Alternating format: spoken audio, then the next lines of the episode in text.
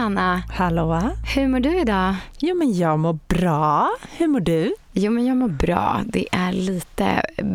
Ja, det har varit lite stressigt. Vi hade en liten force majeure igår när vi skulle spela in. Det är fan rätt mycket att göra nu. Så att, det, eh, mm.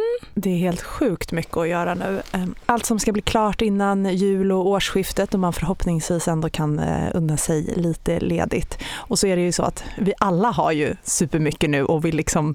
Det blir lite så här som att man har en boll och så kastar man den... Man vill liksom... Exakt, och bara jag har ju händerna fulla, hur ska jag ta emot Ja. den här bollen? Precis, och så vill man göra klart saker och ting så gör man det och så kastar man den vidare så vänt- och så vill man inte få tillbaka det i en dålig tid. Ja. Ja, men det är också lite roliga adventstider, lite glöggmingel och sånt. Det är det, supermysigt. Du var på två såg jag i helgen. Yes, ett mellan 15 och 18 i lördags och ett mellan 18 och ja, sent. Väldigt härligt. Det låter ju helt, eh, helt perfekt. Det låter Ja. halvt livsfarligt också. Man tänker så här Mm. glöggmingel, man äter någon, någon pepparkaka, kanske någon liten snitt med grönmögelost och något annat. Men det, det blir inte så mycket så här substans i mat. Vi tog det väldigt mogna beslutet faktiskt att äta emellan. Det Mycket var bra. klokt. Nej men så det har jag pysslat med sen sist och utöver då för alla intresserade där ute så att eh, fortsättning på min broddhistoria. Eh, tappade den här om veckan och eh, nu har jag liksom lite av en sån här ett curlingupplägg. Jag har då en fot där jag kan liksom skata mig fram på och en där det bara glider. Så att eh, ja, ser ju suspekt ut men det behövs nu kan jag säga. Eh, Du- liksom, du- stay safe kids, det är fan farligt där ute nu. Du får så här byta, byta fot som du har den där brodden Ja. på så att annars får du så här Snedfot. Ja, ett starkt ben och ett hänga med ben. Precis, måste träna dem båda. Men du, vad har du gjort sen sist Johanna? Nej, men det har också varit lite glöggmingel. Vi hade då, där vi bor, det är ju liksom småhusområde med fristående hus, men så är det en, en förening, trädgårdsstadsförening som har funnits sedan det byggdes 1929. Åh, Där jag såklart hamnade i styrelsen när man gick på årsmötet. Det var inte så många som gick på årsmötet. Så och alltid också bara, oh, hon jobbar på bank. Japp, det, det, var, det var exakt så. så. Han som var kassör eh, bara, ja men jag, är ju jätte, jag har varit kassör i 15 år nu, jag vill bara vara max ett år till. Men då kan ju Johanna bli sen. Jag bara, mm, Åh gud, kassör, mardröm. jag vet, det är typ jobbigaste. Ja, det är det, Äh, 100%. Skitsamma, det var väldigt, eh, då var det Lucia, eller glöggmingelfest i, i, um, i parken som vi ordnade. Så vi hade glögg, eh, barnglögg, varm saft. Alltså, det kommer jag ihåg Tänker från när jag jag på var liten. saftsoppa. Nej. Som man hade en sån här kåsa typ. Ja, nej men det här var liksom bara saft som, som vi hade värmt. Eh, och jag Mm. fick det, jag kommer ihåg att jag fick det där när jag var liten så det blev världens... Ja precis. Fattigmansglögg. Nej men alla barnen blev ju helt, de älskade det. Så att Julia, jag tror hon drack liksom fyra koppar med varm saft. Det var, blev väl sockerstinn så det räcker i en vecka. Men det var väldigt mysigt. Mm, så att, eh, ja, försökte baka lite, jag är aldrig. Men Mm. sen försökte jag väga upp det med att åka lite kälke. Ja, Julia Väga upp åka den, den, den dåliga hemmafrun du var, bakade kakor med och också också leka med barn. Ja precis. Jäkla toppen, toppen husfru jag var i helgen. Alltså. Ja, Nej, men, gud, det var ju världens träningspass. Jag har ju en lite bortskämd dotter också som inte vill gå upp för backen själv. Ehm, och är man enda barnet då har man väl den perken kanske att man kan vara det. Så hon satt där på sin kälke och bara Mm. “mamma fortare” så jag fick springa upp med henne. Sen ville hon åka själv ner. Så fick jag springa ner för backen och så dra henne upp igen. Men Mysigt.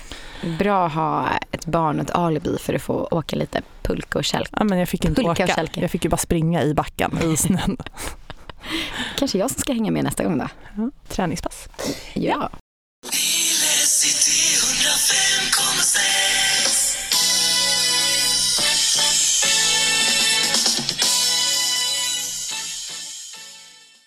Okej, ett nyhetssvep den här veckan då. Och eh, jag såg att, inte helt oväntat, studielånen har gått upp från ändå världsbilliga 0,59 i ränta till 1,23. Ja. Så det är ju en dubblering. Men det kanske också är en lite indikation på, du vet man har ju hört om vissa som har tagit studielån för att investera på börsen. Ja. Vilket jag tycker har varit lite smart men såklart lite läskigt också. Man tänker att man ändå har en liksom, eh, ja, planerad planerad avkastning eh, som borde vara minst 0,59 men 1,23 alltså det är inte säkert längre och Mm. ja, dumt att ta lån för att investera. Ja men lite så. Alltså, och just, Lite väl Ja. spekulativt. ja, jag, jag känner också det. Att jag, jag tror inte riktigt att jag heller hade så här, Lite ont i maggropen eh, Ja. Men jag, ty- mm. jag tycker det är lite roligt så när man har sett i tidningar och media och allt vad det har varit nu om de har intervjuat studenter. Så, ah, då vet man inte om det är lönt att utbilda sig längre och det var inte på de här premisserna jag startade min utbildning och så. Och jag blir lite så här, men lilla vän, det är en 23. Ja, Det är alltså happy 23. times. Happy times. Det är, det är Gratulerar. fortfarande ett jättebilligt lån. Ja, Eh, välkommen tillbaka när det är det femdubbla. Ja, ja men lite så. Så jag bara, ja. Men ehm, Ja, det har verkligen varit gratis. Ja, men vad har vi mer då Johanna? Du eh, har tittat tillbaka lite på en väldigt härlig månad börswise. Ja, men det, det blev ju det. Vi pratade ju om det i inledningen av november, att november brukar historiskt vara en bra börsmånad. Och, Kom ihåg var ni hade det först. Mm, precis, det var det. För att efter fyra raka minusmånader, inte så roligt i Stockholm, på Stockholmsbörsen, så eh, blev det ju ordentligt med plus här i november. Och eh, det bjöd på en uppgång på hela 9% Så en hel årsavkastning då kan man Ja, säga verkligen. på en månad. Och det här är den bästa månaden sen juli i, fjol då börsen hade en liksom uppstuds väldigt tillfälligt. Det var väl typ av Ja, juli i fjol. väldigt, väldigt tillfälligt. väldigt, väldigt tillfälligt. Men så att eh, det var bra i i Stockholm. Det var bra även eh, internationellt. Så att ehm, Ja, jag såg i småbolagsindex eh, upp 11,4 procent. Jajamän, lite revansch för eh, småbolagen. Hittills i år har det ju verkligen varit de stora bolagen som har presterat väsentligt bättre eh, då små bolag har varit i högre grad pressade av det högre ränteläget. Mm. Men eh, nu så, det, det som har fått börsen att lyfta ska vi ju säga, det är ju inte att det är någon sån här enorm högkonjunktur annalkande. Tvärtom, vi ser ju nu i, i, bara i Mm. Stockholm eh, hur det blir fler och fler varsel och uppsägningar. Klarna har gått ut med Spotify. att Spotify häromdagen var det 240 anställda i Ja, Sverige. 17 procent. Ja, så det är, ehm, det är ju verkligen inte det att Det det är är, bistert. högkonjunkturen. Det är bistert där ute. Konkurserna var ju på en rekordnivå i november också. Men det som liksom har fått börsen både i Sverige och internationellt att studsa upp, det är ju att man tror att vi har nått liksom peakräntor. Mm. Och att, Att- det till och med ska typ kanske börja sänkas framåt Ja. våren va? Ja, nu Mm. så har man börjat prisa in räntesänkningar. Man tror att eh, Fed i USA kommer sänka eh, ganska tidigt här under våren och de flesta bedömarna tror att Sverige kommer börja sänka kring midsommar ungefär. Nu såg jag Danske kommer med en uppda- uppdaterad prognos. De tror ju på eh, hela tre sänkningar för Riksbanken nästa år och Oh. som bolånetagare så är det ju bara att tacka och ta emot och hoppas att de har rätt. Verkligen, det får vi verkligen hoppas. Det är så kul när två minuter av att du har fått prata om en positiv nyhet så man bara, ah, nej men hörni ni ska inte glömma bort där att det är bistra tider. Man är så indoktrinerad i det här nu. Ah.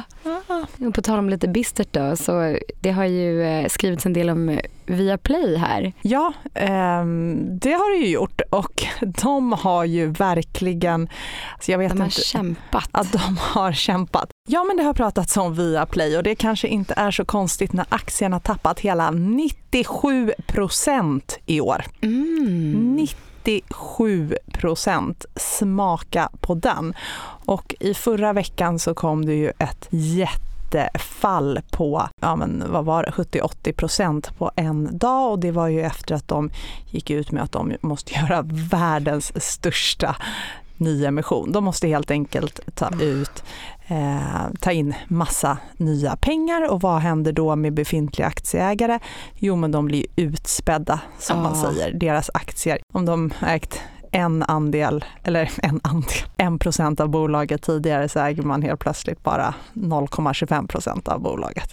Tack. Det, så en jätteutspädning är det som sker för att, och det är för att de måste ta in nya pengar. Och Mm. varför måste de ju då ta in nya pengar? Jo, och det är hela 4 miljarder kronor som de ska ta in. Så det är Men inte, gud, det är inte små potatis. Nej, det är inte små potatis. Nej, men det är ju för att de har såna extrema kostnader. De har 38 38 miljarder i fasta rättighetskostnader i avtal skrivna i dollar och euro. 38 miljarder. Och det är alltså, de har köpt på sig, och det vet man ju, det har man ju sett, de har ju köpt på sig liksom allt. Ja. All form av sport. Jag som älskar Vinterstudion blev ju väldigt ledsen när de klippte till, tog den från SVT. Tyckte det var mycket mysigare när den var på SVT. Eh, de har Men liksom... det, alltså det de tar betalt för de där extra paketen är också helt galet. Ja. Så att man undrar ju så här, ja, det, det är borde helt... fått in en liten slant. Så jag läste en, ehm, en eh, ja, Olof Lund som är sportjournalist och även Älskar. ja, krönikör i DI. Han är med i det här Filip och Fredrik som Ja, heter Alla Alla mot alla eh, med Jag tycker han är underbar. Ebba von Sydow. Ja, men han, hans kritik var liksom inte nådig kring vad eh, Viaplay har hållit på med och att det har varit helt ohållbara budstrider om, om sporträttigheter i, Ja. i framförallt då Sverige menar han. Och eh, han säger att analytikerna borde skämmas som inte har sett igenom det här och kunnat se att det här kommer eh, hända för bolagen. Och säger han också att den nordiska marknaden det är en av världens dyraste när det kommer till sport, sporträttigheter. Men gud vad sjukt. Ja, Det är så sjukt för så många är vi ju inte Nej, som kan titta. så Men himla ehm, han menar att det här beror på en överetablering av aktörer på en eh, för liten marknad. Så att, Mm, eh, kanske är rimligt att de ska bort då. men det han säger då, Naturligt urval. ja, det han säger då att eh, det avtalet han ändå hyllar och som sägs vara värt 2 miljarder euro och som sträcker sig fram till 2028, det är Premier League. Tänkte det, precis ja. det. Men det menar han att det är ändå räddningsplankan för Viaplay. För Premier League kommer aldrig att vilja säga upp det här avtalet och eh, det är faktiskt ett avtal som drar in abonnenter och eh, det, alltså hur många, jag, jag tycker bara man går runt i korridorerna här och bara hör folk efter helgen prata om om de, de United-fan eller City-fan eller Tottenham eller Arsenal, alltså alla matcher. Ja, Och verkligen. Så att, ja. Det är kul. Men det var lite, det var lite kuri- kuriosa eller ja, om, om Viaplay, men som sagt 97 procent eh, ner sen årsskiftet. Den är ju tuff. Ja, kämpa. Några andra som kämpar, det är ju eh, Tesla. Där vi har en liten situation angående deras då icke-varande av kollektivavtal. Jag tycker det här är lite, anledningen till att jag tar upp det var för att jag såg en nyhet här nu att eh, ett bolag i Danmark sällar sig också till det här då och kommer vägra Eller det största fackförbundet i Danmark. Ja, just det. Just det. Eh, de kommer inte ta emot eller transportera Teslas eh, som ska till Sverige. Och det är för att de vill liksom sympatistrejka då med de svenska aktörerna här och eh, IF Metall. Och det, alltså det är såklart att jag tycker att det är lite märkligt. Det ska vara fritt med kollektivavtal men så, så här jävla fritt var det. Ja precis, du får inte post, du får inte ut får inte registreringsskyltar, du får, era bilar får inte servas. Jag, jag tycker kanske att det här är... Det är lite märkligt men det som ändå är bara lite lite kul det är att ändå den stora giganten och märkliga märkliga människan Elon Musk där borta i, i USA i Austin kollar på Sverige och Norden och bara vad fan Metall." är det som händer? Call them up, the IF Mm. metals. Ja, nej men det är intressant bara. Vi får se hur det där slutar. Jag såg att det var väl just det här kring som du säger posten. De fick ju, var det något vite eller något slags eh, åthutning i alla fall om att de, om de inte skickar posten så kommer de få på moppo. De Ja, har det var inte posten, det var väl Transportstyrelsen om de inte skickar... eh, Registrerings- Eller om de inte låter Tesla komma och hämta då registreringsskyltarna hos dem. För det är Ja. i- posten som kör ut dem. Mm. eller som är upphandlade. Så, de får inte köra med någon annan. Men jag tror att den där om, om posten gör fel eller, eller inte, den ligger fortfarande på bordet. Där skulle tingsrätten återkomma. Ja, fortsättning följer. Det är lite, lite dramatik, spännande. Ja, och om bostadspriserna här då Johanna. De fortsätter ju falla och är nu ner nästan 15 procent sedan förra vårens pristopp. Och det känns ganska sjukt att det faktiskt bara var förra våren som det var, alltså det verkligen toppade innan allting liksom. Ja precis, men det är ju nästan två år sedan nu. Men, Ja. Mm, jag, vet, jag, jag vet, jag köpte hus då. Jo, jag vet. Trevligt att påminna dig om det här vecka efter vecka. Nej, men eh, det som är grejen att även om vi ser det här med räntorna och hej och som kommer luck- luckras upp, det här är ju verkligen en eftersläpning i. Och det är därför många tycker, eh, ja, eller många, gissar att det faktiskt inte har bottnat helt ännu. Utan att det kan fortsätta in på nästa år. Och dessutom så är det ju många, många som håller i, om man tänker på bostadsrätter och inte kanske har gjort den sista mm. höjningen. Av avgifterna. Om det är till våren alla mm. de här mm. årsmötena är. Exakt. Där kan man ju tänka sig att det kommer klubbas igenom en del avgiftshöjningar. Mm -hmm. Och då är det ju också så att det kommer ju se mindre attraktivt ut att köpa en sån ja. bostadsrätt helt enkelt. Jag tänker mycket på alla de här nybyggnationerna ja, alltså. Med mycket, mycket, mycket lån ja, det där är mm. läskigt. Eh, men nu ska vi se här. I Sverige som helhet så sjönk bostadspriserna med 1,4 procent förra månaden och eh, det är ett fall på 0,8 respektive 0,7 för villa respektive lägenhetspriser. Och man måste gå tillbaka ända till 2015 för att hitta lika låga reala lägenhetspriser och 2017 för villor. Så det är verkligen, eh, ja, vi har tappat några år här. Samtidigt lite jobbigare att betala för det. Ja, nej men eh, lite deppigt förstås. Men vi, ja, de här priserna kanske kan falla tyvärr lite mer innan det vänder. Så det kan man ju ta med sig om man är ute efter ny bostad. Och eh, för att fortsätta på det här muntra spåret så läste jag en artikel där man har intervjuat en snubbe som kallas för Dr. Doom. Och det här är en ekonomisk professor som är ja, turkisk-iranisk och han har blivit kallad just Dr. Doom för att han påstod sig att ha kunnat förutspå finanskrisen. För han pratade om det här redan 2006. Så den här domedagsprofessorn har nu delat sin syn på världsekonomin igen. Och den stora skillnaden nu mot 2006 är att nu, det är inte så att folk har missat att vi kanske är i lite av ett fritt fall och att det har varit lite problematiskt sista året redan. Men han pekar ju då på att de här slitna, slitna relationerna mellan väst, och alla stormakter som Kina och Ryssland, eh, ett pågående krig då mellan Ryssland och Ukraina och även nu Israel och Gaza. Världen har inte lärt sig något och han säger att det här blodbadet kommer sannolikt att fortsätta. Så ja, han tror på globala förluster för både obligationsinnehavare och aktieinvesterare som kan växa till tiotals biljoner dollar under de kommande decennierna. Och eh, utöver då den här liksom makrooron oron, så är det åldrande befolkningar och att det kan komma ytterligare pandemier framöver som han ser som ett stort hot. Och dessutom AI. Så skojigt. Men för att avsluta on a good note så tyckte han sig kunna se en liten gnutta hopp. Och det var förutsatt att mänskligheten lär sig navigera i den här geopolitiska djungeln. Så det är ifall vi skulle kunna avvärja de här dystopiska scenarierna. Och ja, det känns inte som att han kommer med någon slags förslag på lösning där. Och det är ju ändå mycket som ska ja, sluta kriga, ta hand om klimatet, få koll och styrning på AI. Ja, men det, det, det Bara de små, små grejerna. Det finns några bollar att springa mm. på och helst lösa. Japp. Men jag, det var lite halv good note som vi avslutade på med mm. Dr. Doom. Så jag tänker att vi kan väl ta och avsluta på en eh, ja, men hel god note. Jätte, jättegärna. Jag läste en artikel på Placera.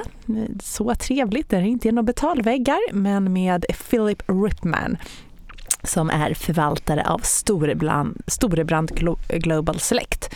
Eh, deras fond som, som har fokus på större bolag som levererar tjänster, produkter och teknik som bidrar till att uppfylla FNs globala hållbarhetsmål. Mm. Jag har poddat med Filip eh, tidigare och tycker mm. att han är ja, men, vettig och så här, intressant investeringsstrategi och fokus. Då, då. Eh, men då var det så här, någonting som jag sitter väldigt eh, starkt med just nu. Det var det här men hur ska man hitta hållbara bolag och så. Och då sa han något som jag tycker är klokt. Han bara, jag gillar eller klokt och inte klokt, men han var kanske lite mer direkt än vad jag hade varit. Men jag gillar inte rating, sa han. För mycket av ratingen handlar om vad bolagen själva rapporterar. Det handlar om utsläpp och processer. Det är såklart viktigt, men det är inte skäl nog för att köpa ett bolag. Och det, vi har ju pratat om det här i podden. Mm. De med flest policies får högst eh, ESG-betyg men det kan i vissa för fall... För att de gör the paperwork. Ja, de gör the paperwork för de vet att de måste för att de har de har, de har stora problem eller de har en icke hållbar eh, affär helt enkelt och då försöker man skyla det med om man har stora resurser. Så Precis, jag, kolla här, kolla här. exakt.